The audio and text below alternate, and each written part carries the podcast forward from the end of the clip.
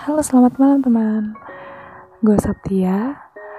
Uh, malam ini gue mau sharing buku judulnya Marketing 3.0 From Product to Customer to the Human Spirit karangan Philip Kotler.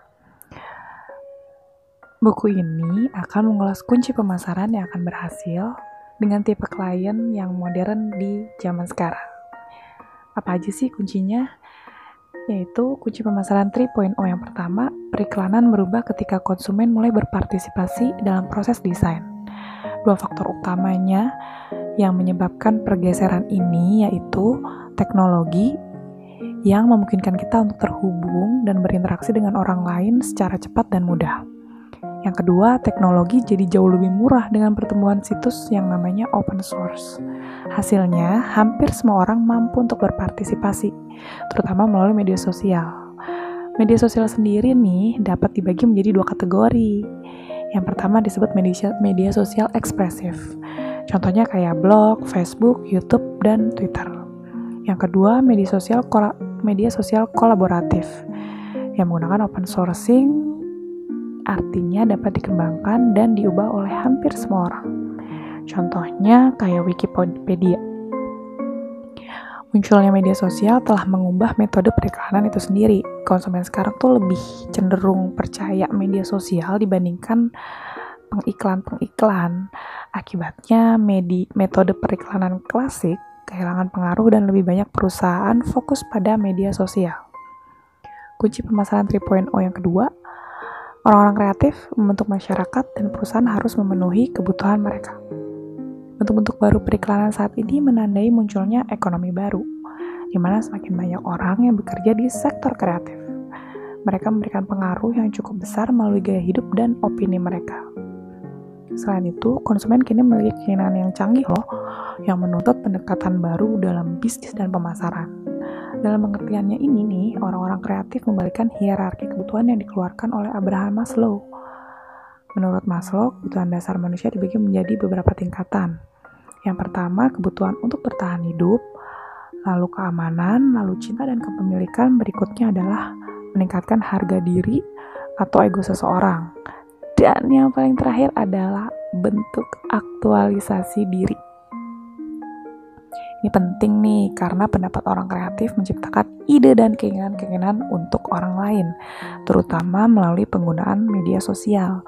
Kita sebagai pengiklan harus mengkomunikasikannya dengan hati-hati melalui campaign yang tepat. Sifat konsumen yang berubah berarti kebutuhan pemasaran juga berubah ya. Kunci pemasaran 3.0 yang ketiga. Pemasaran modern mencakup segala sesuatu yang menjadikan kita manusia Marketing 3.0 membantu kita melangkah lebih jauh melakukan pendekatan secara fisik, pikiran, emosional, sekaligus menargetkan aspek yang gak kalah penting yaitu jiwa. Dengan membangun integritas brand, masing-masing elemen fundamental ini memiliki kebutuhannya sendiri-sendiri dan pemasaran yang sukses berarti memenuhi kebutuhan tersebut. Kunci pemasaran 3.0 yang keempat, sebuah perusahaan dapat menunjukkan komitmennya dengan mendefinisikan misi, visi, dan nilai. Langkah pertama untuk setiap bisnis adalah misinya. Jadi apa pun yang diintakan perusahaan sebagai model bisnis dasar akan menentukan strategi berkelanjutannya. Setelah perusahaan memiliki Misi dan visi langkah selanjutnya adalah menentukan nilai-nilai yang akan memandu aktivitas sehari-harinya dari karyawan dan yang nantinya akan menguntungkan perusahaan secara keseluruhan. Kunci pemasaran 3.0 yang keenam, tetapkan misi yang mengubah kehidupan orang dan menciptakan dengan kisah yang menantang. Langsung aja nih, contohnya Google. Google itu terkenal karena ingin membuat sebuah media informasi di dunia yang lebih teratur dan gampang untuk diakses. Jalan yang dilakukan oleh Google adalah dengan melakukan riset, kemudian melakukan penemuan kembali konsep mesin telusur secara terus-menerus dimulai dari tahun 1998 hingga saat ini. Google itu secara radikal mengubah cara orang menemukan informasi dan itulah yang dimaksud dengan marketing 3.0, meningkatkan kualitas kehidupan konsumen. ide kunci pemasaran 3.0 yang ketujuh, alasan-alasan yang masuk akal secara ekonomi, ekonomi dengan mengadopsi visi yang berkelanjutan.